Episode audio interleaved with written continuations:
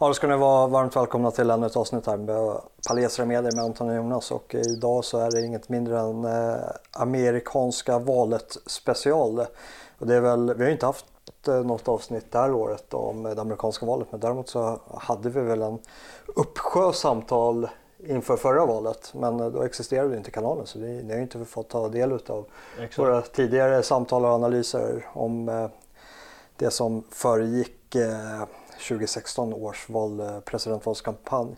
Men eh, innan vi börjar, om ni uppskattar arbetet vi gör här på Palais Remedios så får ni jättegärna prenumerera på kanalen här på Youtube och eh, vi, vad vi kommer också prata om under det här är ju att det är en osäker plattform vilket Republikanerna också har fått erfara med Twitter och Facebook.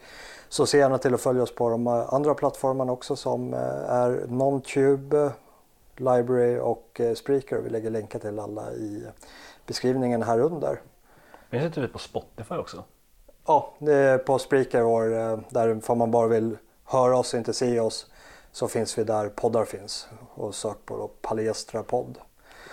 Ja, och eh, kom ihåg att eh, stödja den alternativmedia som ni konsumerar så vill ni hjälpa oss ekonomiskt så kan ni göra det på både Swish och föra över via bankgiro eller direkt in på kontonumret. Och likt mycket annat så är det ju pengar som får den här eh, världen att snurra i alla fall i form av verksamheter. Ja, ja. det får, får oss att snurra också, ganska bra. Eh, och som Conan Doyle uttryckte det i sin pamflett rörande boerkriget, desto mer vi får in, desto mer kan vi göra. Jag trodde du skulle citera det där om att han inte hade tyngt verket med några fotnoter och källanvisningar. jag, jag sitter ju faktiskt på att arbeta på ett specialavsnitt just rörande Sir Conan Doyle eh, och eh, hans arbete nere i Sydafrika. Men eh, det, det hör en eh, annan sak till. Eh, för vi bara dyker rätt ner här i, i det amerikanska valet. Vad är det för reflektioner? Vad är det för tankar, funderingar? Alltså jag, jag vet inte riktigt var jag ska börja. Jag tror jag har för, för många tankar och, och reflektioner ja. faktiskt. Det, jag tycker det är intressant att notera att vi, vi hade ju en liten diskussion om det här häromdagen att eh, Trump är inte den här totala underdogen längre. Nej lite, jag menar 2016 så han kom ju lite från ingenstans. Det, det, var inte direkt någon som trodde på honom. Jag kan säga att jag trodde på honom och hade skin in the game. Oh. För jag satsade pengar på Trump. Och jag tror jag vann 12 000 faktiskt. Mm. Så jag trodde på honom. Men jag, jag, någonting som jag har märkt som är en skillnad eh, från det här valet, eller från i, i det här valet det är att det finns en, en större backning av Trump på ett ja. helt annat sätt än vad jag uppfattade i det förra valet. Ja, för, för det är ju det är en viktig diskussion. Jag, jag misstänker att du tror att eh, Trump kommer vinna. Jag, eh, jag kan säga att jag tror att han kommer vinna. Men om han inte vinner så, så blir jag inte förvånad heller. Mm. Nej, för, för, för jag, jag delar din åsikt att eh, jag trodde på Trump väldigt mycket 2016. Och jag trodde, då studerade jag, hade inte så jättemycket pengar till, till skillnad från nu, jag har inte så mycket pengar heller. men men jag, jag sköt in 10 000 på Trump då till sex gånger pengarna. Ja. Och eh, det, det, finansierade min eh, examensresa till Nya Zeeland. eh, och jag, inte, jag, jag, tror fortfarande att Trump kommer vinna det här valet. Eh, och eh, det, det, kan vara intressant att sätta vissa saker i relation till varför jag trodde han skulle vinna 2016, vilket han också gjorde och vad det är som skiljer då från nu. För jag känner mig mer säker på att han skulle vinna 2016 än vad jag känner mig säker på att han skulle vinna i det här valet. Mm. Jag vet inte, hur känner du där? Ja, alltså det finns ju vissa andra parametrar man måste ta hänsyn till. Men, men det som jag tror är den stora pucken egentligen. Oh. Alltså man, man kan ju titta på det finns ju en massa olika förklaringar till varför Trump vann och det varierar ju såklart beroende på vem, vem som ger dem att om man tittar på olika typer av personer på vänsterkanten, de, de har ju sina problematiseringar att ja. det, det, det, är på grund av eh, Trump står för rädslans politik och okunnighetens politik och det, det, är liksom kapitalismen som har utarmat de här människorna och då vänder de sig till en så stor, stark auktoritär ja högerpopulistisk ledare liksom. Det är väldigt mycket det narrativet. Från mer allt högerhåll eller radikalt högerhåll så har det väl varit att ja, men vi valde Trump, vi, vi liksom skapade den här kulturella infrastrukturen runt Trump med, med hjälp av memer och Youtube-filmer och sånt där liksom. Och det var, det var tack vare det han blev vald. Eh, jag, jag, tror inte på något av det där utan jag tror att den, den här stora pucken är någonting som jag en person som jag följer ganska mycket som heter Peter Brimelov mm. som är en väldigt, väldigt intelligent journalist sa att eh, under Ronald Reagans kampanj så upptäckte man någonting som man inte hade trott innan och det var att det fanns Reagan-demokrater. Mm. Alltså arbetarklasspersoner som kom över till Republikanerna. Lite vad vi kan se i Sverige med att eh, det största partilojaliteten i, hos LOs medlemmar i Sverigedemokraterna Exakt. och inte sossarna. Exakt, och jag tror att det, det är liksom det som alltid har varit den stora grejen med Trump. Jag, menar, jag, jag gör inga anspråk på att vara någon expert på amerikansk politik men jag, jag har följt det med ett getöga under i alla fall under tio år åtminstone. Och något som alltid har slagit mig med, med, med republikanernas kandidater, personer som Mitt Romney och John McCain och, mm. Och sådana där, det är ju att det är oerhört osympatiska människor verkligen. Mycket osympatiska. Folk som är väldigt, kanske framförallt eh, Romney, så liksom stenrik mormon, liksom, väldigt elitistisk. Mm. Och det blir gärna den här betoningen på skattesänkningar för de absolut rikaste och att underlätta för storföretagen och sådana där saker som men även om du är en socialkonservativ vanlig arbetare som bor i en av de här staterna som kanske inte gynnas så mycket av globaliseringen utan där man, man ser hur liksom den lokala fabriken lägger ner eller den lokala gruvan stängs ner eller vad det nu kan vara så varför skulle du då, sitta, varför skulle du då rösta på Mitt Romney som utlovar ja. skattesänkningar för de rikaste? Där, där har ju Trump verkligen lyckats och det är ju någonting som eh, han lyckades med långt innan eh, han ens kandiderade till president. Mm. Och det är ju att vara ganska folkkär just hos eh, arbetarklassen. Absolut. Vilket ja, kanske kan te sig lite ovanligt för någon som kommer från, alltså som är en multimiljonär liksom. Ja. Lite utav en mogul det, det är som att han har varit så, han har varit så Alltså Trump får ju ofta mycket, mycket kritik för att han är vulgär och han är grabbig och sådär men jag måste säga att jag tillhör inte de som, som ogillar det utan jag, jag gillar det faktiskt. För jag tror att det finns en, det finns en ärlighet i det här. Mm. Det här att en person som alltså, en person som kommer och liksom skämtar med dig på ett grovt sätt och är liksom grabbig och lite burdus kanske. Det finns liksom en ärlighet i det. En sån person har kanske inte så mycket skelett i garderoben.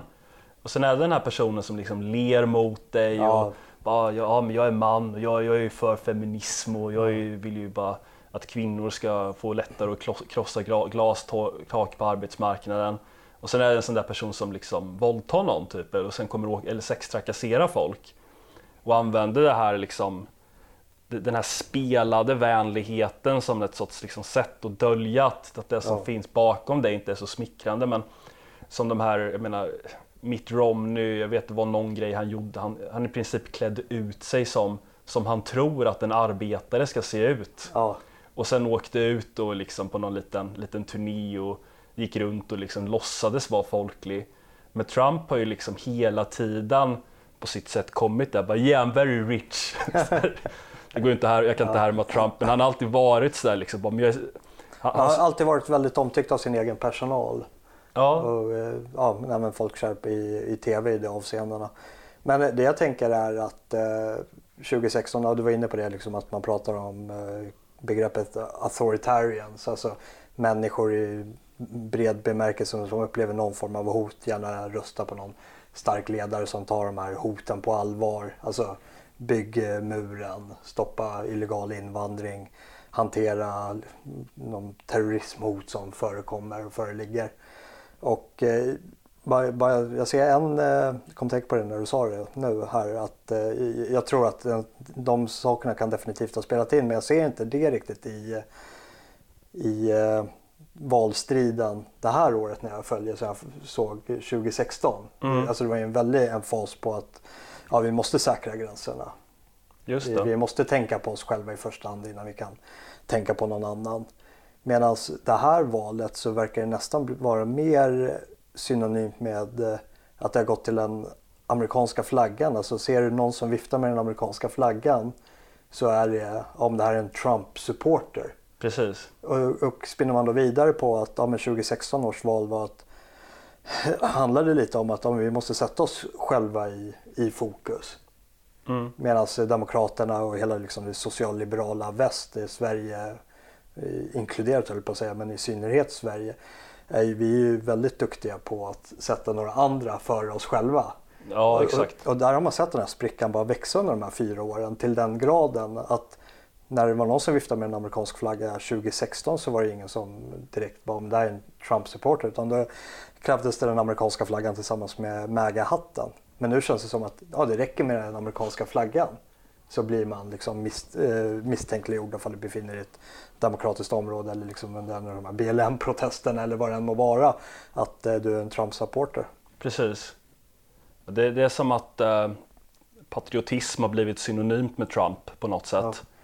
Och det, det, är väl någonting som jag tror kan tala till, till hans favör också för om man ska prata om någon tyst majoritet där ute som verkligen inte får komma till tal i, inom deras eh, etablissemangsmedia som i princip ger noll täckning till Trump-kampanjen. Mm. Eh, och det har ju blivit än vi ska ju prata om det som har hänt med eh, Biden, eh, den misstänkta korruptionen med, med Biden-administrationen. Just det. Vilket går in på det också. Men det, det sätter också lite i dagen för under 2016 så hade ju Trump inte heller någon mediatäckning. Det var ingen av de stora mediebolagen som gick ut och faktiskt stödde honom. Och nu idag så har vi New York Post som har ja, den fjärde största distributionen i hela Amerika går ut och ger sitt endorsement till, till Trump. Just det. det är fortfarande minimalt eh, mediastöd för du ser till den amerikanska medietäckningen i sin helhet med alla de mediehusen som finns.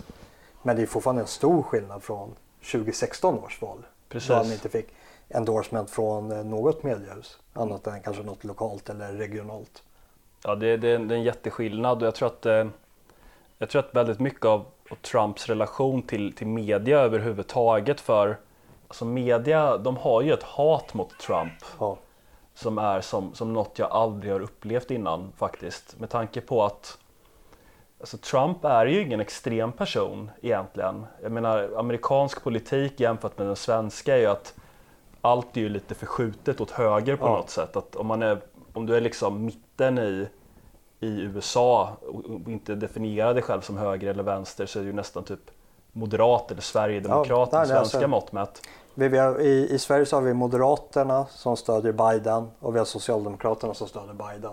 Ja. Och de enda som kanske vågar säga att de stödjer Trump det är väl ungsvenskarna som kanske stöttar det rakt ut och sen så SD som försöker att inte få dåliga associationer på grund av hur medieetablissemanget i Sverige hanterar Trump. Precis, eh, men, men, exakt. Men det är någonting där med just som, som inte verkar så logiskt egentligen. För, för det finns ju sådana här vissa klassiska puckar som, som svenska vänstern hatar med mm. amerikansk höger. Och, och, jag förstår dem, för det är ganska smick, det är inte så smickrande drag. Jag menar det finns ju den här liksom, religiösa fanatismen ja. som, som blir väldigt märklig och, och framförallt inte alls passar in i, i ett svenskt sammanhang. Och så det här, eh, Man brukar ju kalla det republikanska partiet att ja, men det, det är dollarsedeln, alltså skattesänkningarna och fokusen på, på den ekonomiska politiken. Och sen så är det Bibeln i ena handen och revolven i andra handen. Precis. Och alla tre går ju liksom bort i en svensk kontext.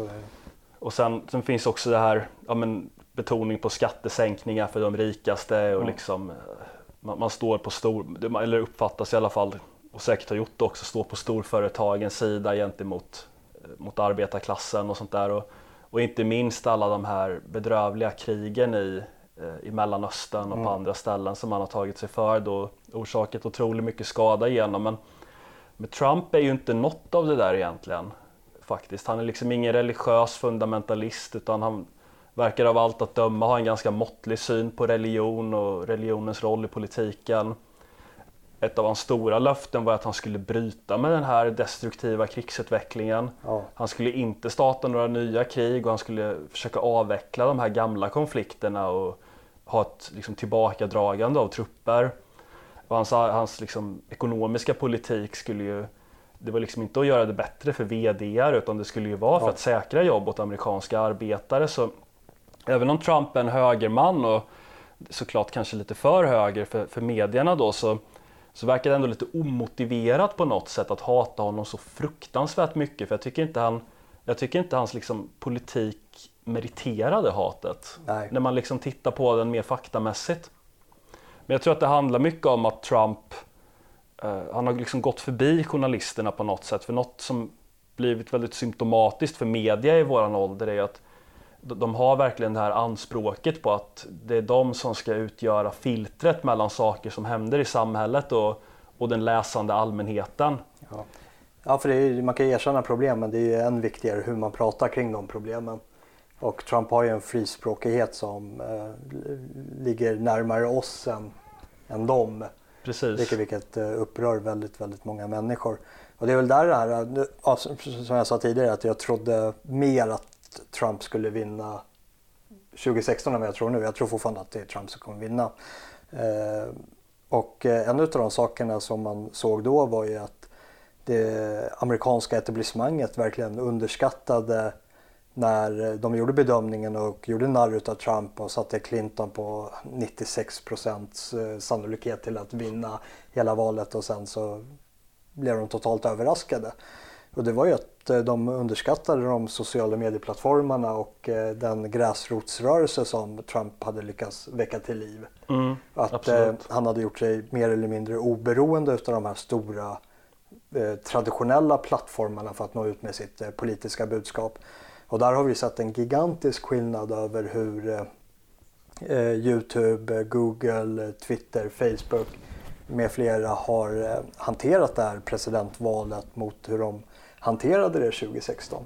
Mm. Efter valet 2016, Google hade ett möte, en internmöte som eh, spelades in och läckte ut över där de i, på, i sitt egna personalmöte brainstormade över hur kan vi se till att det här inte händer igen.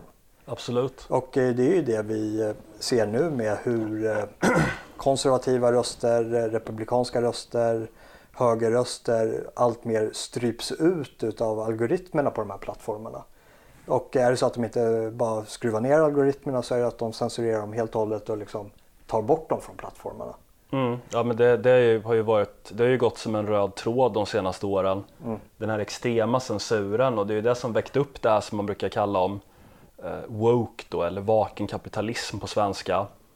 Det vill säga när, när väldigt, väldigt de absolut största företagen, Google, Facebook, Amazon, uh, finns det mer? Jag kommer Twitter, Youtube, all, allt liksom som, som hänger samman. Att företag som i princip har en absolut monopolställning på marknaden positionerar sig som politiska aktörer och, och inte bara som man skulle, man skulle ju kunna tro liksom att om man inte hade någon kunskap om det att de skulle, det är klart de skulle stödja ekonomisk högerpolitik i så ja. fall. Men det gör de ju inte utan de stödjer ju vänsterpolitik de, de positionerar sig mot Donald Trump, mot Republikanerna, mot personer som är traditionellt höger och istället så, så tar de ställning för vad jag skulle betrakta som väldigt radikala vänsterrörelser. Ja.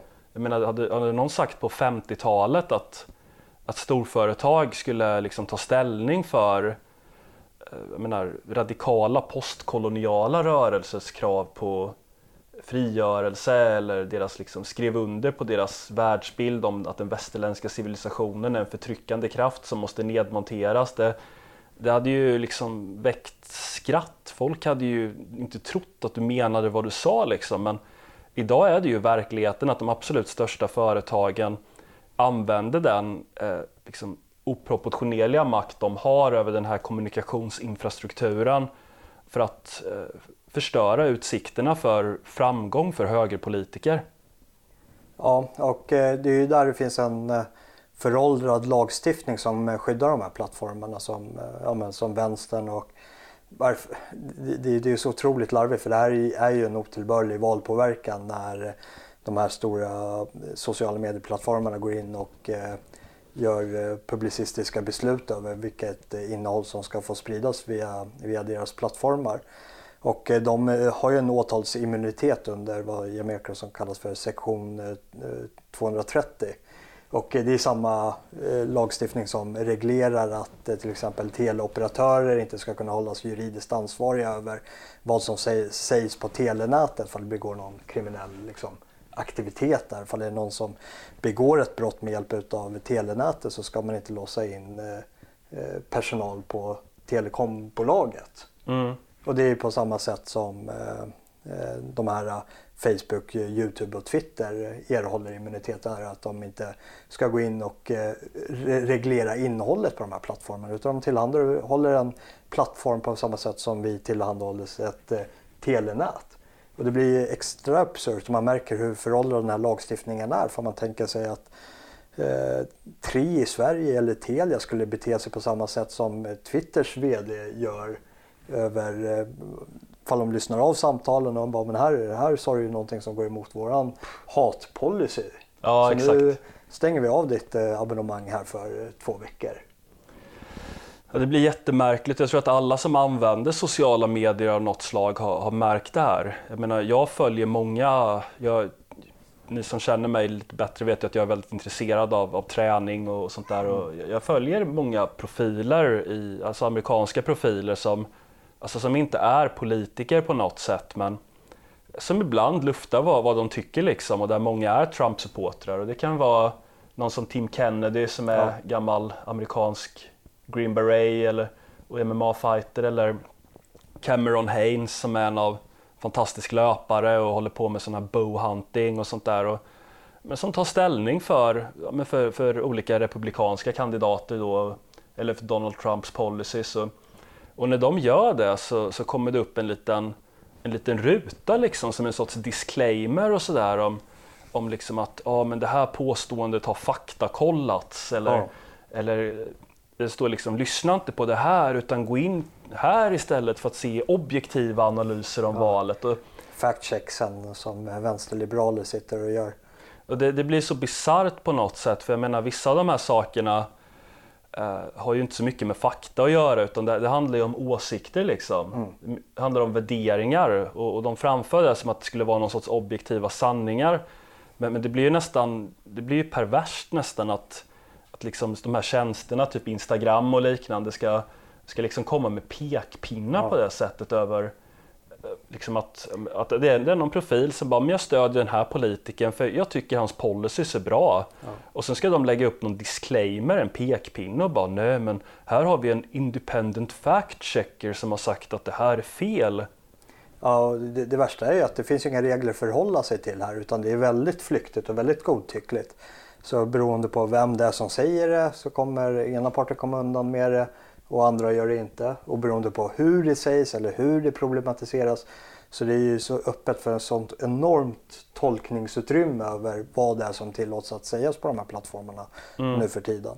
Och eh, det här nådde ju sin kulmen när eh, Twitter och Facebook eh, censurerade New Yorks Posts eh, avslöjande rörande Joe Bidens son eh, Hunter Biden och eh, hans förehavanden.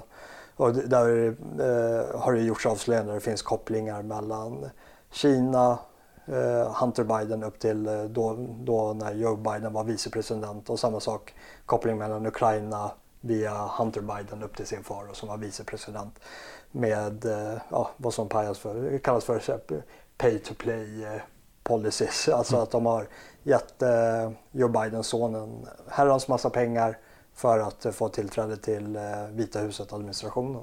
Just det. Och sen har de ju också satt, det, det har kommit upp bilder där, där han liksom jag vet att det ska finnas någon film där han har sex med någon, någon tjej som misstänks vara, vara minderårig. Ja. Och, och, även en bild där han sitter med en typ crack, crackpipa. Ja. ja, det ska tydligen vara flera bilder på, här, på hans egna laptop där han har suttit och eh, rökt crack. Och... Men då har han sutt, satt sig själv i en position ja. där hans beteende har blivit en säkerhetsrisk. Ja, ja alla det, gånger. Det, och, säger, eh, säger väl någonting om att om man ska ta två arketyper för hur en politiker ska bete sig. Där man har Hunter Biden då på ena sidan som direkt går in på ett väldigt så degenererat beteende och sex ja. med minderåriga och tar droger. Sen på andra sidan så har vi Mike Pence ja. som aldrig träffar en kvinna på egen hand utan, utan sin fru. Ja, precis. Och där ser man ju hur de här olika mediehusen håller de olika kandidaterna för till olika moraliska standarder. Precis. Det, är- det är inte svårt att tänka sig ifall eh, någon av Donald Trumps eh, söner hade haft de här korruptionsmisstankarna som ledde upp till Donald Trump över eh, vilket ramaskri det skulle vara. Ja men utan tvekan, alltså, vi hade ju inte läst om någonting annat på flera veckor. Och, men i Sverige har man ju knappt skrivit någonting om det här överhuvudtaget utan det, det här har man ju velat förtiga.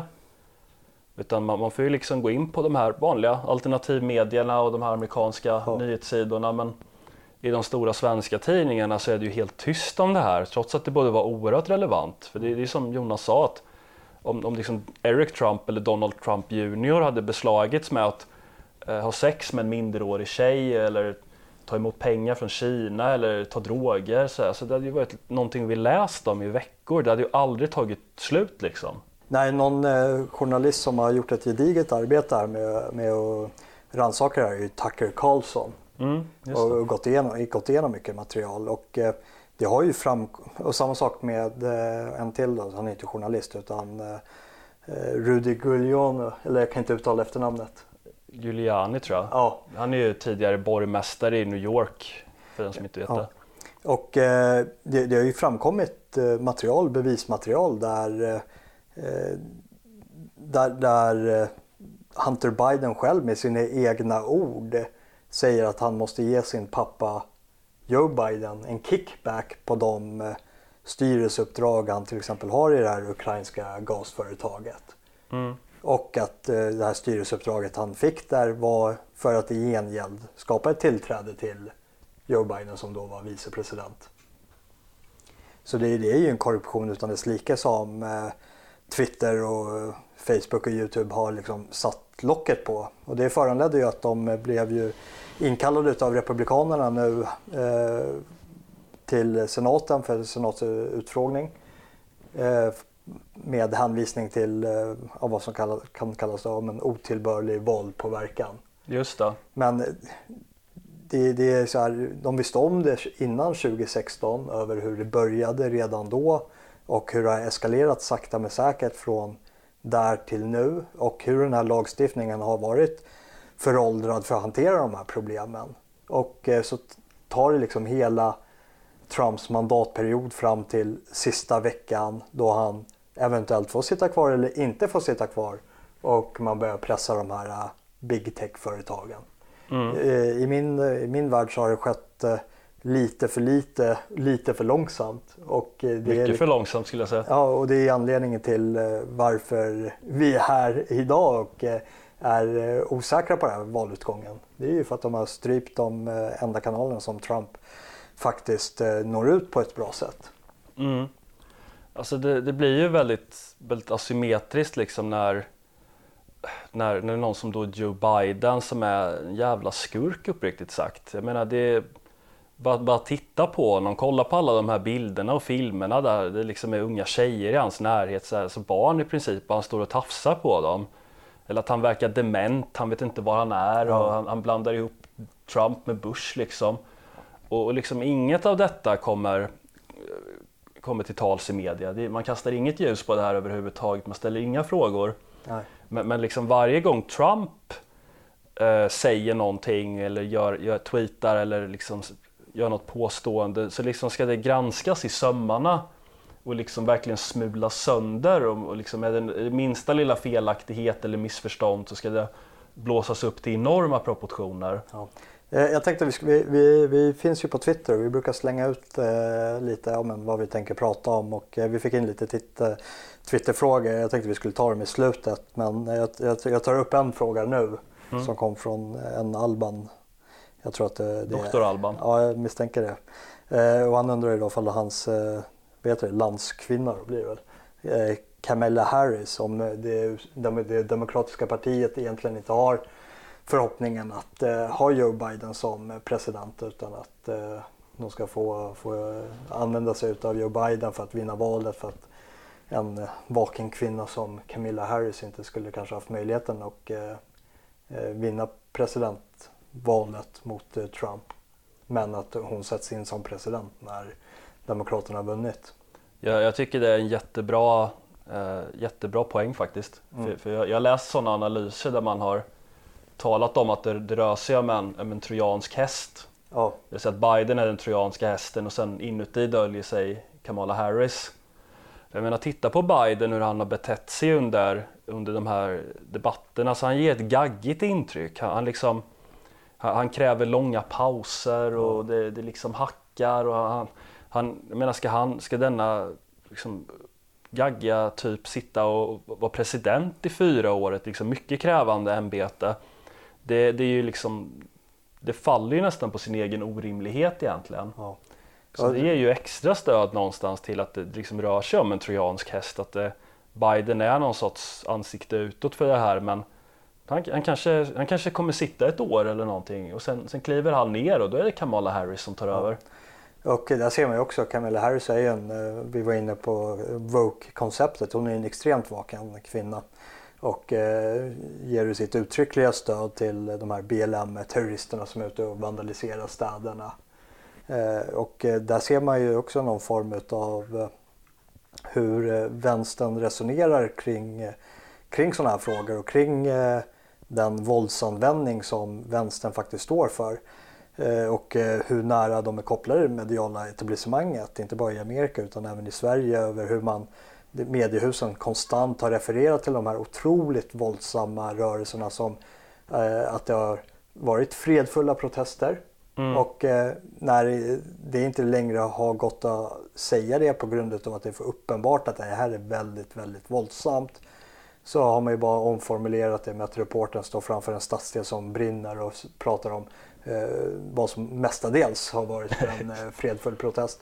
Men här finns ju också det, det underliggande hotet, eller ganska uttalat hot. Och det är ju att ja, men, eh, om ni inte gör som vi vill om ni inte skickar in eh, bidragen till eh, utanförskapsområden eller ifall ni gör de här ändringarna med regleringen eller ifall ni inte är oss till lags. Ja, men då går vi ut och slår sönder våra egna områden. Ja, det, det är det som blir så bisarrt också. Men, men, det är ju ungefär som det blir i Sverige att folk i förorterna är arga på orättvisor. Ja. Så då, då går de och bränner ner den lokala förskolan liksom. Ja, de eldar ner sina egna områden. Ja, det, det med, blir... Eh, med vetskapen av, de, de omyndiga förklarar sig själva som liksom självständiga individer. Men eh, de gör ju det med vetskapen över att om det är de där borta som har ansvaret över att ta hand om oss. Mm. Alltså det blir infantilt på ett eh, riktigt så här vänstersocialistiskt sätt. Verkligen. Jag, jag tycker att det har ju alltid varit mycket kring de här valen, liksom, ja. vad ska man säga, någon sorts, eh, vid sidan av den politiska kampen så har det varit någon sorts kulturell kamp som mer liksom utspelat sig i samhället. Och något som jag tycker är en ganska stor skillnad är att alltså något som var under eh, 2016 var ju att althögen blommade upp ja. väldigt mycket. På, på gott och ont kan man väl säga i efterhand. Eh, det som var bra var väl att det var det, det, blev liksom en väldigt rolig kulturell infrastruktur runt Trump. Det här med memerna och de massa Youtube-filmer och sånt där. Det blev liksom väldigt, det, det liksom tog in folk, det tog in Trump i eh, på nätet liksom. Det blev inte bara det här liksom boomeraktiga att eh, liksom, ja, men nu, har, nu ska vi liksom få tillbaka jobben utan det blev någonting som var mer, mer ungdomsvänligt på något sätt, mer liksom lätthanterligt för för, för min generation då millennials eller eh, den lite yngre generationen då som generation Z eller zoomers som vissa kallar dem. Att eh, det var där med liksom God Emperor Trump och alltså, det var ju hur mycket som helst, det går ju inte att sammanfatta liksom. Men det fanns på något sätt en kulturell infrastruktur runt det här som, som jag inte tror hade någon, jag tror inte, jag tror inte att det hade någon jag vet att personer typ Richard Spencer sagt bara, ja, men vi, vi fick Trump vald, jag, jag tror inte det. Jag tror att Trump fick sig själv vald för att han på samma sätt som Ronald Reagan lyckades bli vald, att man, man, man liksom svarade på ett djupt, eh, på ett djupt rotat behov i, i liksom det amerikanska folkdjupet där att man, man vill ha en kandidat som, som liksom tar ställning för det egna folket och som inte framstår som någon sorts elitistisk eh, karriärpolitiker som bara pratar om corporate tax cuts liksom eller eh, vill starta upp ännu ett nytt krig där folk ska liksom skicka iväg folk som bor i Mississippi ska skicka iväg sina söner för att de ska dö i Irak för ingenting liksom, utan man, man vill ha en folklig person som liksom vill ta tag i saker, som, frågor som vanligt folk kan relatera till. Kanske i synnerhet det här med jobb, man vill ha någon som sätter dem först. Och så, där. så jag tror inte allt högern fick Trump vald, men, men liksom det, det var kul ändå. Det var kul med att det fanns all, all den där liksom roliga nätinfrastrukturen runt Trump. Ja, oavsett fall man kan tillskriva segern eller inte till någon enskild liksom, eh, opinionsbildande aktör så kan man ju säga att althögern i allra högsta grad fick ett starkt populär eh, kulturpolitiskt genomslag. Med, med, med hur de arbetade. Men det jag tänkte säga där med, med det här vad som man kan se som typ som någon som form av gettoutpressning över att ja, om Trump vinner så kommer vi elda ner våra egna stadsdelar. Och eh, det är ju hur, eh, jag såg det på svensk media och jag, jag har även sett eh, dem resonera om det på någon amerikansk kanal, jag kommer inte ihåg vilken det var. Och det är över hur de, de Trump kommer att, vad de kallar en peaceful transition of power. Alltså mm. att fall han förlorar valet kommer han överlämna det här fredligt.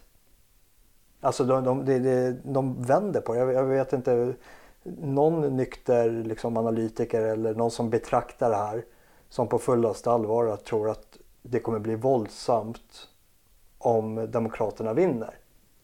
Det, det är liksom utifrån vad, där jag sitter och det jag ser så är det enda risken för våld ifall Trump blir kvar. Och det blir också det som blir lite hans minne till över hur vänstern kommer rama in hans presidentkandidatur. Ja, men det var det var, det var, presidenten som hade ett våldsamt Amerika. Mm. Alltså, vi, vi, vet ju hur vänstern spinner de här eh, narrativen över hur de framar omständigheter som de själva ligger bakom. Eller liksom underblåser och eldar på. Ja, men det, det är som när det är någon organisation, typ, ja, men någon, typ SVP eller NMR eller någonting har, har demonstrerat i Sverige och så har det blivit bråk då på grund av motdemonstranterna. Ja och så ser man rubrikerna sen typ bråk vid nazistdemonstration. Oh. Och jag, nej, men jag, jag, håller med om det för någonstans har det ju varit sådär att jag vet det här med, med Charlottesville, den här demonstrationen som var, var det 2017 tror jag, alltså vi, med, med olika typer av, av högermänniskor då från olika grupper och sånt där som demonstrerade i Charlottesville då mot den här ned, nedriv, eller det här, kult, det här kultur, kulturkriget med ja. nedrivningar av statyer där man ska ta bort gamla eh, statyer av, av amerikanska historiska figurer och ersätta dem med nya saker. Då. Det protesterade man emot. Och det, blev, det blev bråk för att det var en massa vänsterextremister eh, som reste dit och eh, polisen gjorde inte sitt jobb och sådär. Då, då, då kan man ju liksom räkna med, då blir det ju en explosiv cocktail. Men vi har ju fått höra detta till leda nu i tre år. Vi har fått det så liksom matat till oss utan den minsta nyans överhuvudtaget. Att det liksom, det, det liksom stänker ut ur öronen på en för att man är så trött på att höra om det. Men här i, när BLM demonstrerar och det liksom är tusentals eller tiotusentals människor ja. ute på gatorna och liksom kravallar och slå sönder småföretagares butiker och liksom, alltså människor som, som redan har det jobbigt, inte minst på grund av Corona då, så får sina liv förstörda av de här människorna som liksom går ut och, och slår sönder deras verksamheter som de har byggt upp. Och inte, liksom ett, ord, inte ett kritiskt ord överhuvudtaget i svensk media. Nej. Utan det, det, är liksom bara att de, de här människorna kämpar för social rättvisa mot ett förtryckande rasistiskt eh, majoritetssamhälle när det bara är liksom eh, urban terrorism i princip. Det, det liksom saknar proportioner, det, det, det, finns liksom ingen logik i det. Eller logik kan man väl inte leta efter men det, det säger sig självt att det här blir extremt oproportionerligt och jag, jag håller med om det. Liksom, ja. att, vadå, vad, vad, är det som, vad är det som tyder på att Trump skulle inte skulle lämna ifrån sig makten fredligt? Jag menar, det är ju inte han som har gett uttryck för den här typen av extremt våldsamt beteende. Eh, Vox Day, jag tror vi har pratat om honom tidigare i, i något av våra avsnitt. Han skrev en väldigt, väldigt bra bok som jag kan rekommendera som heter Social Justice Warriors Always Lie. Mm. Och eh, det, det, handlar mycket om vänsterns olika metodiker, hur de förhåller sig till olika frågor, speciellt om de blir påkomna med någonting. Men eh, en sak som vänstern alltid gör, eller de här social justice wars, det är att de projicerar. Mm. Alltså deras egna avsikter eller deras egna karaktärer eller hur de själva förhåller sig till någonting tillskriver de den andra i någon form av halmgubbe. Just det. Så när de eh, anklagar, har den här anklagande tonen om, ja, kommer Trump eh, att hedra en eh, fredfull överlämnande utav makten? Ja, det är ju Demokraterna själva som säger att de, de inte tänker göra det. ja, men, men verkligen. Jag menar, det, det är de som stödjer de här. Jag menar om vi hade tiotusentals amerikanska rednecks liksom med maga kepsar och amerikanska flaggor och, och Humvees liksom ute på gatorna och slog sönder det lokala företagslivet. Ja. Vi, vi hade ju liksom aldrig hört slutet på det. De hade liksom pratat om, om det till, till leda men, men, men här är det nästan bara hyllningar när det är liksom rätt personer då som gör samma ja. sak. Ja, det, det är så uppenbart, för vi går tillbaka till de här olika formerna av moraliska standarden. Att eh, beroende på vilken aktör det är som gör någonting. Och det, det var, ja, men, som kanske var alt-light eller vad man ska kalla det, brukar tillskriva vänstern för att ha de här låga förväntans rasism mm. mot eh, de här stora pöben utav eh, BLM-rörelsen. Ja just det, apropå pöben, jag tänkte det som en så sista, sista punkt innan vi kan ta Twitterfrågorna. För en sak som skiljer sig väldigt mycket från 2016 års eh, valrörelse är ju det som är samma, är att Trump fortfarande drar oerhörda mängder med människor till sina rallys. Clinton inte lika mycket så och det här var en av de här sakerna som fick mig att tro att eh, ja, men, här finns det någonting som eh, eliten har fel i när de gör sina oddskalkyleringar över hur stor chans Trump har att vinna. Det. det var att man verkligen såg den här Trump-rörelsen eller magarörelsen eh, verkligen ha luft under vingarna. Och den luften under vingarna verkar finnas kvar får man kolla på Trumps eh, rallymöten. Medan vi har en situation av en pandemi vilket gör att man ställer sig frågan, beror det på pandemin eller används pandemin som en förevändning till att Biden inte håller rallys? Så när Biden är ute och talar så talar han ju inför ett dussintal personer. Kanske mellan 10-20 personer som sitter på en social distansering och eh, megafonen är istället alla mediehusen som trumpeterar ut hans budskap. Jag tyckte du sa det ganska bra när vi pratade lite innan att ja. det är ju de som är hans publik. Ja. Biden har ju inget, liksom, han vill ju, varför skulle han tala till folket? Hans publik är ju media. Ja, och det är där jag tänker att det, det hade känts bättre om vi inte hade haft en pandemi. Så att eh, Demokraterna inte skulle kunna använda Corona som en förevändning till varför de inte har några stora massmöten. Som de under eh, Clinton-tiden, visserligen hon, hon hade några möten som var väldigt stora men det var många totala floppar. Speciellt när det sattes i relation till Trump.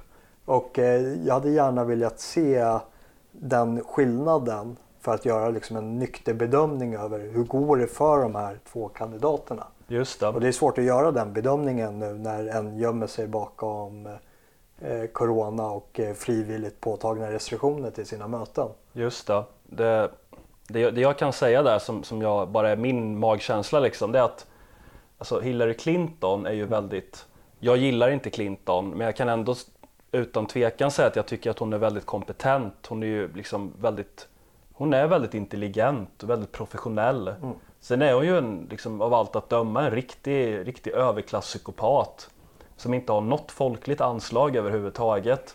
Ja, alltså, slår man upp bilden på en kvinna som är beredd att göra allt för makt så är det ju någon karikatyrbild på henne. Ja, det är typ hon och så Cersei Lannister från Game of Thrones typ.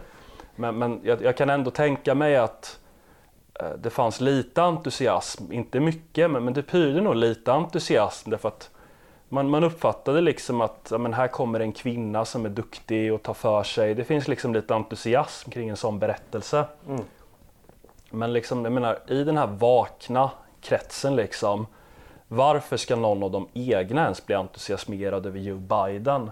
Ja. Han har ju liksom, jag menar någon som Barack Obama, så här, jag kommer ihåg det för jag följde den jag, det är ju, det är ju många år sedan nu va, men när, när han höll på, det liksom var, vad, vad var hans slogan där, typ Hope for change eller Ja. någonting. Men det, det fanns liksom, han var ju, han var ju en rockstjärna för, bland Ja. folk. Han var ju jätte, jättepopulär därför att han stod för, för någonting som kanske inte var så förankrat i verkligheten men som verkligen kunde beröra människor. Men, och Hillary Clinton stod för lite av den varan men betydligt mindre. Men liksom, det finns ju ingenting sånt vad gäller Biden. Jag menar Ja. han är en halvdement pedofilgubbe liksom som, som inte har något att säga. Ja, det, det känns som hela kampanjen bygger på eh, förakt och eh, ett allmänt ogillande mot eh, Trump. Ja, det är så negativ profilering. Och det, det är också så här, ifall man också ska ta en så här, distinktion från eh, 2016 års val. Och det är ju att jag har svårt att se att någon som, för, för man, när man pratar om så här missnöjesröster, att eh, de som röstade på Trump kanske eh, gjorde det utav ett allmänt missnöje och misstro mot eh, liksom det breda etablissemanget. Att de här kommer en underdog som kan röra om lite i det här swampet och rensa runt lite och vi, eh, folket sänder en signal över att vi, vi är missnöjda med hur ni sköter saker och ting. Och eh, tar man ett svenskt exempel där så hade vi missnöjesröster med Ny Demokrati. Mm. Vilket gjorde att okay, men vi sänder en jabb upp mot det svenska etablissemanget och när den jabben har landat så går vi tillbaka och eh, etablissemangsröstar igen.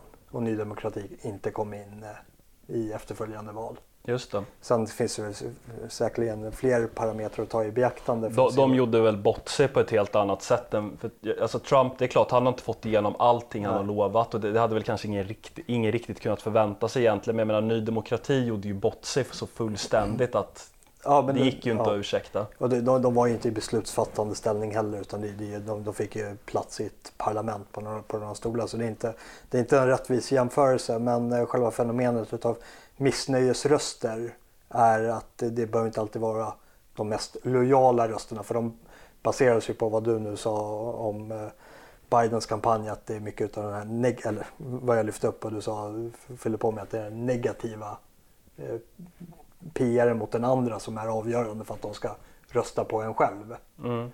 Eh, och eh, har man en sån eh, kampanj och ifall det var en sån kampanj som, jag säger inte att det var så, men ifall det var en sån kampanj som Trump bedrev 2016 så är lojaliteten hos väljarna lägre än ifall de faktiskt röstar på Trump för att han är Trump. Mm. Och det är väl för man knyter an då till de här rallyserna, de här stora mötena som man inte har några som helst problem med att fylla på väldigt kort varsel vart han än åker så tyder det på att ja, men det, det finns ju en lojalitet till Trump. Absolut. Eh, och eh, där har jag svårt att se hur eh, Biden kan vinna i det avseendet att de som röstade på Trump utav de här anledningarna skulle nu idag rösta på Biden. Ja, det, det är en bra fråga. Det, det man kan tänka sig är att ja, kanske får ett högre valdeltagande utav demokrater som verkligen vill ha en förändring åt det demokratiska hållet. Ja, men då är vi fast fortfarande i elektorssystemet vilket gör att i de demokratityngda staterna så spelar det ingen roll ifall de vinner med en röst eller två, tre miljoner röster. Så där spelar inte ett större valdeltagande någon som helst roll utan då är det nere på de här swing statesen. Just det. Och eh, det, det är väl där det blir spännande och eh, där ett avgörande kommer falla. Vilket gör att, eh, och det, det är väl där någonstans som gör att jag är eh, lite osäker på utgången. Även fast jag tror att Trump kommer vinna det här. Jo, alltså det finns ju all anledning att bara säga det. Att, för jag tror ju som du att Trump kommer vinna, men det betyder inte att jag på något sätt är säker på utgången eller avskriver Joe Biden. Men, men vad, tror, du, tror du i allmänhet att folk är missnöjda med Trump? Nej, inte utav de som har röstat på Trump. Det tror jag inte. Jag tror att eh, det finns de aktörer av som du räknade upp, den här, den här allt högerrörelsen eh, som hade kanske mer, högre förväntningar på en eh, starkare lojalitet mot den vita amerikanen. Eh, Medan Trump under eh, den här presidentturen har visat sig vara mer i linje med vad som kanske kan kallas civic nationalism. Vilket han väl alltid har sagt egentligen. Jo, men det, är- det är ju väldigt lätt att eh, ha, ha, hänga med på en hype och tillskriva någon någonting som kanske visselblåsningar som har blivit lite feltolkade och sådana saker. Men största anledningen varför jag stöttade Trump eh, 2016 var ju att vi, vi behövde verkligen en förändring över hur vi pratar om problem i samhället. Det, det var liksom huvudanledningen. Sen så trodde inte jag på några... Och sen hoppades jag på att det inte skulle bli några mer interventioner i Mellanöstern eller någon annanstans och onödiga liksom globalistkrig och Eh, kanske att eh, vi, vi, vi eh, saktar ner globalismfarten och fokuserar mer på eh, nationalstaterna och eh, man, hur man värnar eh, den kollektiva äganderätten till det egna landet. Alltså mer förhållningssätt, hur man förhåller sig till vissa frågor snarare än att vi faktiskt skulle få se genomgripande förändringar. Det, det, det var ju min förhoppning med Trump på det valet och det tycker jag att eh, det är svårt att säga om det beror på Trump eller bara den allmänna tidsandan att vi är inne i en ny tidsera där vi faktiskt kan börja prata om vissa problem som vi inte har kunnat göra tidigare. Men jag tror definitivt att eh, Trump vann spelade en stor roll i det. Och eh, nu när jag ser det här valet så ser inte jag det på samma sätt för den bollen är redan i rullning. Och den tror jag blir svår att liksom eh, mota Olle i grind att vi ska sluta helt plötsligt och prata om de här sakerna som vi har börjat prata om. Utan nu eh, tror jag kampen är snarare kring de här big tech-företagen. Om var är det vi kommer att tillåtas tala om de här problemen. Och där tror jag att fall Trump förlorar så ligger vi eh, i farozonen över en utökad censur på alla de här stora sociala medieplattformarna och vi får börja den långa ökenvandringen ut till eh, Library och BitChute och allt vad det heter tillsammans med alla andra opinionsbildare eller människor som inte är välkomna på de här plattformarna.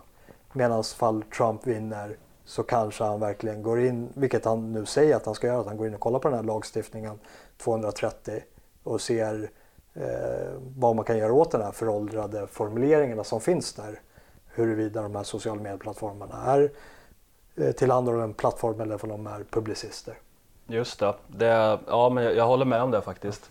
Och det blir liksom lite det blir på något sätt lite omvända världar på något sätt. För jag tror att många har lite en förståelse av att, inte minst har jag själv lite det som, som grundläggande utgångspunkt på något sätt att men säg att man kan dela upp samhället väldigt grovt och väldigt generaliserande då såklart i tre sfärer. Där ett, ett är den politiska sfären och det är ju partierna, det är staten, det är styret av landet och så vidare. Eh, den andra är den ekonomiska sfären, det är liksom näringsliv och företag och ekonomisk verksamhet helt enkelt. Och sen, sen har vi den tredje då, den civila sfären. Det är liksom föreningarna och familjelivet och, och alla sådana här saker. Och då, då brukar man ju där har det väl varit så, kanske framförallt efter 1900-talets historiska erfarenheter, att det stora hotet har i många fall varit att det är staten som har expanderat på bekostnad av de andra två. Det vill säga att eh, man, man, brukar, man kan tycka att liksom företagen ska ju få göra sin grej men då har man kommit med väldigt mycket statliga interventioner av olika slag. Man har velat lägga sig i saker. Mm. I sin liksom yttersta form så är det ju helt enkelt ren kommunism i att man, man avskaffar den, den liksom ekonomiska sfären som en egen sfär i samhället och man, man tar upp den i staten helt enkelt. Det vill säga så att staten tar över företagen. Ja. Det är ju när det går som längst.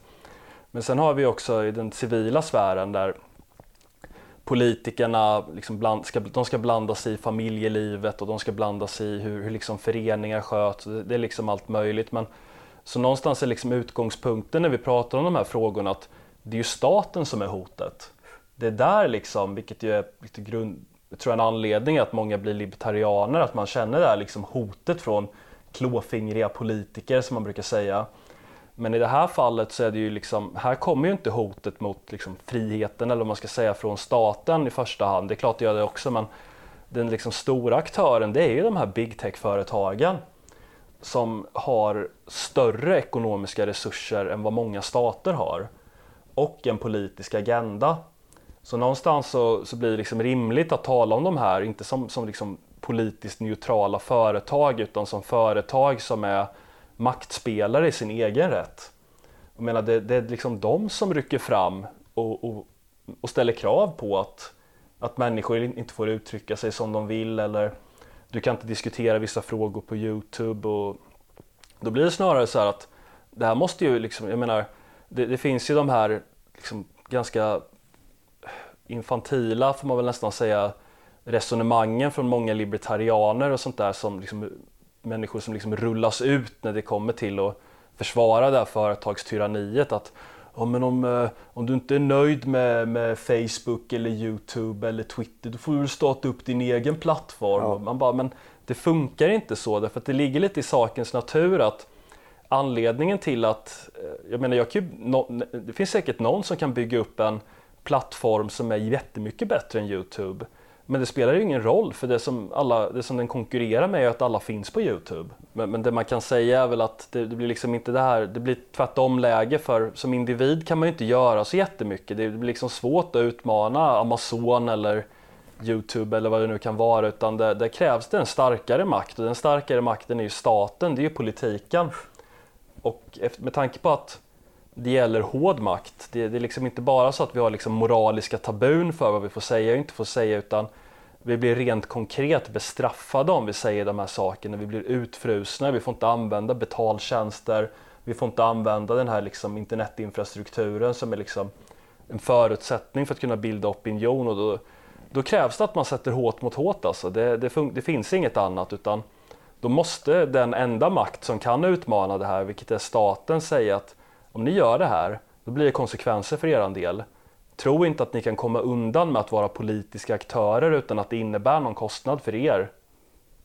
Nej, verkligen inte. Och det är det som blir också så här enormt larvigt när man har kollat på eh, svenska analytiker från till exempel Utrikespolitiska institutet som eh, gick in och eh, kollade på svenska riksdagsvalet och eh, utlandspåverkan och då är det ju främst Ryssland, Kina, Iran. Men utan att någonstans problematisera de här stora big tech-företagen. Jag menar det är ju ett, det är att svälja mygg och sila kameler mm. som det brukar heta. Mm. Men eh, ja, ska vi hoppa på. Vill ni följa oss på Twitter så finns du på Anton Stigermark, at Stigermarks. Ja, jag, jag, kallar mig Stigermarks, inte för att jag gillar Marx utan för att det var kul. Ja. Och eh, jag finns då som ja, Jonas Nilsson, att eh, Jonas 2 Nilsson på Twitter. Du, får jag bara ta upp en grej? Ja. Som, som jag ville bara nämna det, men jag visste inte riktigt vad, vad jag skulle säga. Det att något som har varit ganska, alltså som har varit typiskt för allt det här liksom när, när det varit att bilda opinion, inte bara mot Trump utan mot även Sverigedemokraterna. Det är ju att man mobiliserar kändisar. Ja. Det, det har ju alltid varit så att nu eh, nu har hundra kändisar skrivit på ett upprop mot rasismen och Sverigedemokraterna. Eh, och då, då har man väl liksom släpat fram extremt okunniga typer ja, från, från liksom så kallade influencers och sånt där. Men, oh. och mycket idrottspersoner också som mot bättre vetande skriver på det här. Men en sak som är en skillnad från valet 2016 när Trump stod väldigt ensam det är att några av de absolut största stjärnorna från UFC som är världens utan tvekan absolut främsta MMA-organisation har ställt sig bakom Trump helt oapologetiskt. Oh. Och det är liksom alltså Dana White som är president för organisationen går ut och backar Trump. Jag tror han har talat på eh, Republikanernas konvent. Oh. Den, den liksom och det, det, är liksom inga små personer utan någon som så Colby Covington som är en av de absolut bästa i välterviktsdivisionen. Han var ju den som började med det här med att vara liksom en die hard Trump-supporter. Han, han, det blev ju liksom ett sorts krig liksom mellan han och en annan som heter Tyrone Woodley då som är en så BLM-förespråkare eh, då, Covington som Trump-förespråkare. Och det slutade med att eh, Covington dominerade Woodley väldigt hårt, så, så hårt att han bröt ett revben. Och direkt efteråt när Covington blir intervjuad så går han upp och mer eller mindre ber BLM att dra åt helvete oh. och säger att de inte representerar vanliga amerikaner. Och sen på presskonferensen dagen efter så blir han uppringd av Trump i direktsändning. Ja, jag vet, det var helt underbart. Och det, det är liksom så här, man, man ser det så stora stjärnor som Justin Gaethje som precis eh, gick en titelmatch mot eh, Khabib Nurmagomedov. Henry Cejudo som är liksom olympisk guldmedaljör i brottning och dubbelmästare i UFC. Ali Abdelaziz som är en av de absolut mest kända liksom, managerna i, i hela spotten. Och, och framförallt en person som heter Jorge Masvidal, Gamebred. Ja. som är liksom, har blivit en enorm stjärna de senaste två åren. Liksom en otrolig stjärna. Mycket, alltså, ett av liksom MMAs mest kända ansikten. Ja. Han tar ställning för Trump och han åker ut på en Fighters Against Socialism Tour tillsammans med en av Trumps söner. Jag tycker bara det är värt att nämna liksom för att vi är så vana vid att alla de här liksom jävla kändisarna som, som bara vill ha uppmärksamhet och liksom inte kan något, de, de tar ställning för vänsterpolitik hela tiden. Ja, så... minsta motståndets väg liksom. Ja. Bara kan de skina sig liksom i sin egen godhet. Ja men verkligen, det blir liksom en sån brytpunkt bara. Alltså, att här kommer så här stora stjärnor liksom som tiotals miljoner människor följer och bara helt oapologetiskt tar ställning för Trump och de står tillsammans och poserar med honom efter ett rally liksom. Och det är också en sån här sak som verkligen skiljer sig från eh, valet 2016. Mm. Det var ju att det, var, ja, det fanns någon, det var kanske någon enstaka då, men inte alls i den här numerären. Nej, verkligen. Ja. Jag, tror, jag tror jag har tid med, med två frågor bara så vi, vi hugger in. Jag tror vi har varit inne lite på den här. det här är från poängteraren, eh, anonymt konto. Nationalism versus globalism. Alltså att, eh, det, det pratades ju om det Trump framade mycket valet 2016 om eh, att det här är ett val mellan nationalism versus globalism. Mm. Och eh, det poängteraren menar är att eh, oavsett vem som egentligen vinner nu så går vi fortfarande en väg till mötes mot globalismen. Med den ena kandidaten lite långsammare och med den andra kandidaten lite snabbare. Jag tror att skillnaden är Alltså man kan ju skilja på globalism som är en, en ideologi då av, av något slag och globalisering som är en process. Ja exakt, en process. Ja. Om man, om man, jag menar, en process har ju en tendens att även om folk kan heja på processen så, eh, så går det nästan av sig självt egentligen.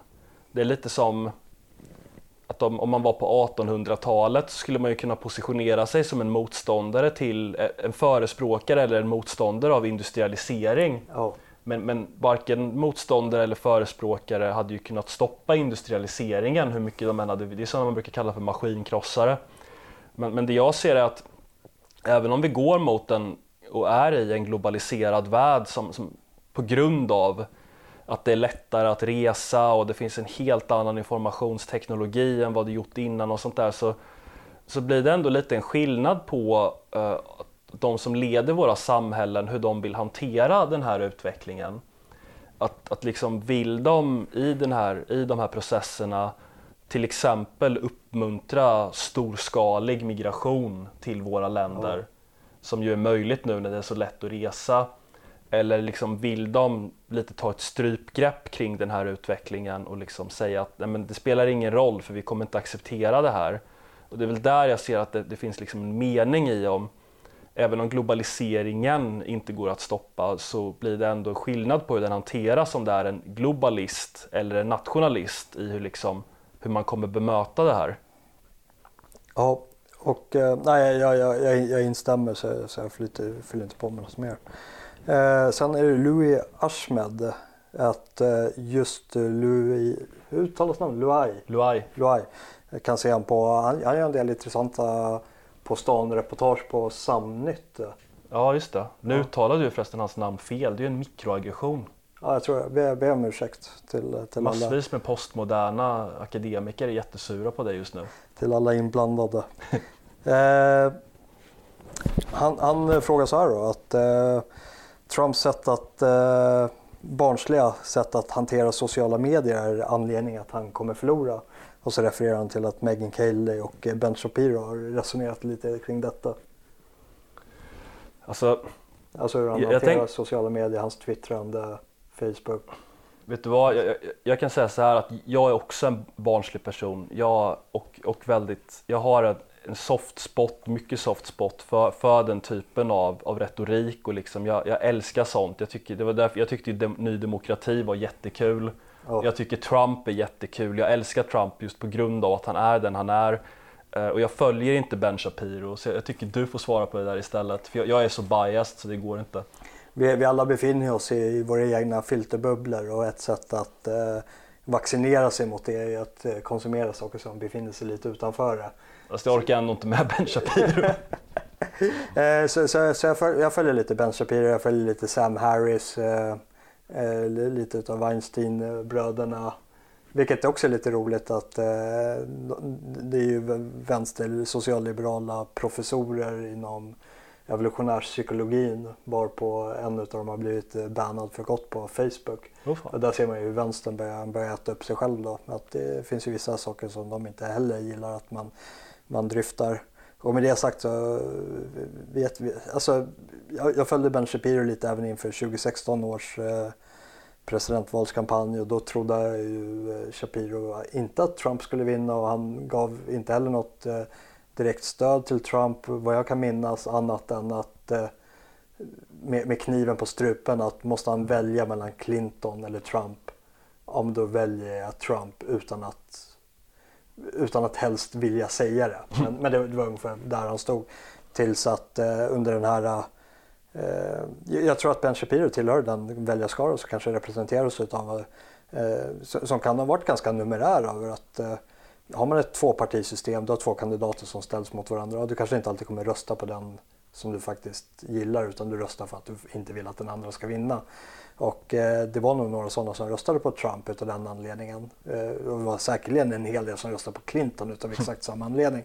Men jag tror att eh, de som gjorde det, de, de har nog eh, svängt lite på det sättet. Att de idag röstar nog inte på Trump för att de inte vill att Biden ska vinna utan jag tror att de röstar på Trump för att de faktiskt tycker att han har levererat, eh, gjort, gjort ett bra jobb men att eh, de ogillar hans burdusa beteende och omogna beteende, det där barnsliga beteende som Luai eh, hänvisar till.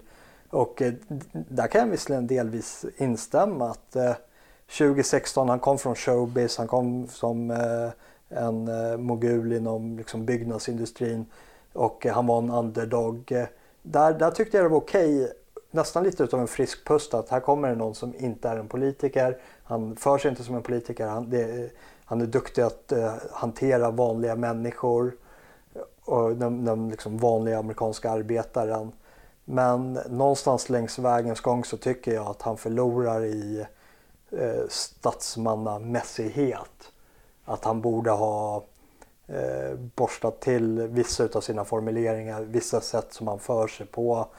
Eh, inte, inte till den graden så att jag vill se han bli bortvald eller att jag tror att någon annan inom det republikanska partiet skulle göra ett bättre jobb än Trump. Men eh, jag är benägen att hålla med lite. Att, eh, jag, jag, tror inte att det är han till gagn idag på samma sätt som det var han till gagn 2016. Fullt möjligt. Men jag kommer inte svara på det. Nej, återstår att se. Och eh, ja, jag, jag sköt in 10 lax 2016 på Trump. Jag gör det inte i år. jag har skjutit in 1000 kronor eh, till typ 2,7 gånger pengarna. Och eh, om ni gör det också, kom ihåg vart ni hörde det först och eh, dela med er av vinsten. Fast om ni förlorat så är det inte vårt fel. Nej. Då är det eget ansvar som gäller, det hoppas jag alla förstår. Ja, vi, vi är ju ändå politiker. Vi, vi syns eh, Valet i, eh, i Amerika. Absolut. Tack för att ni lyssnade.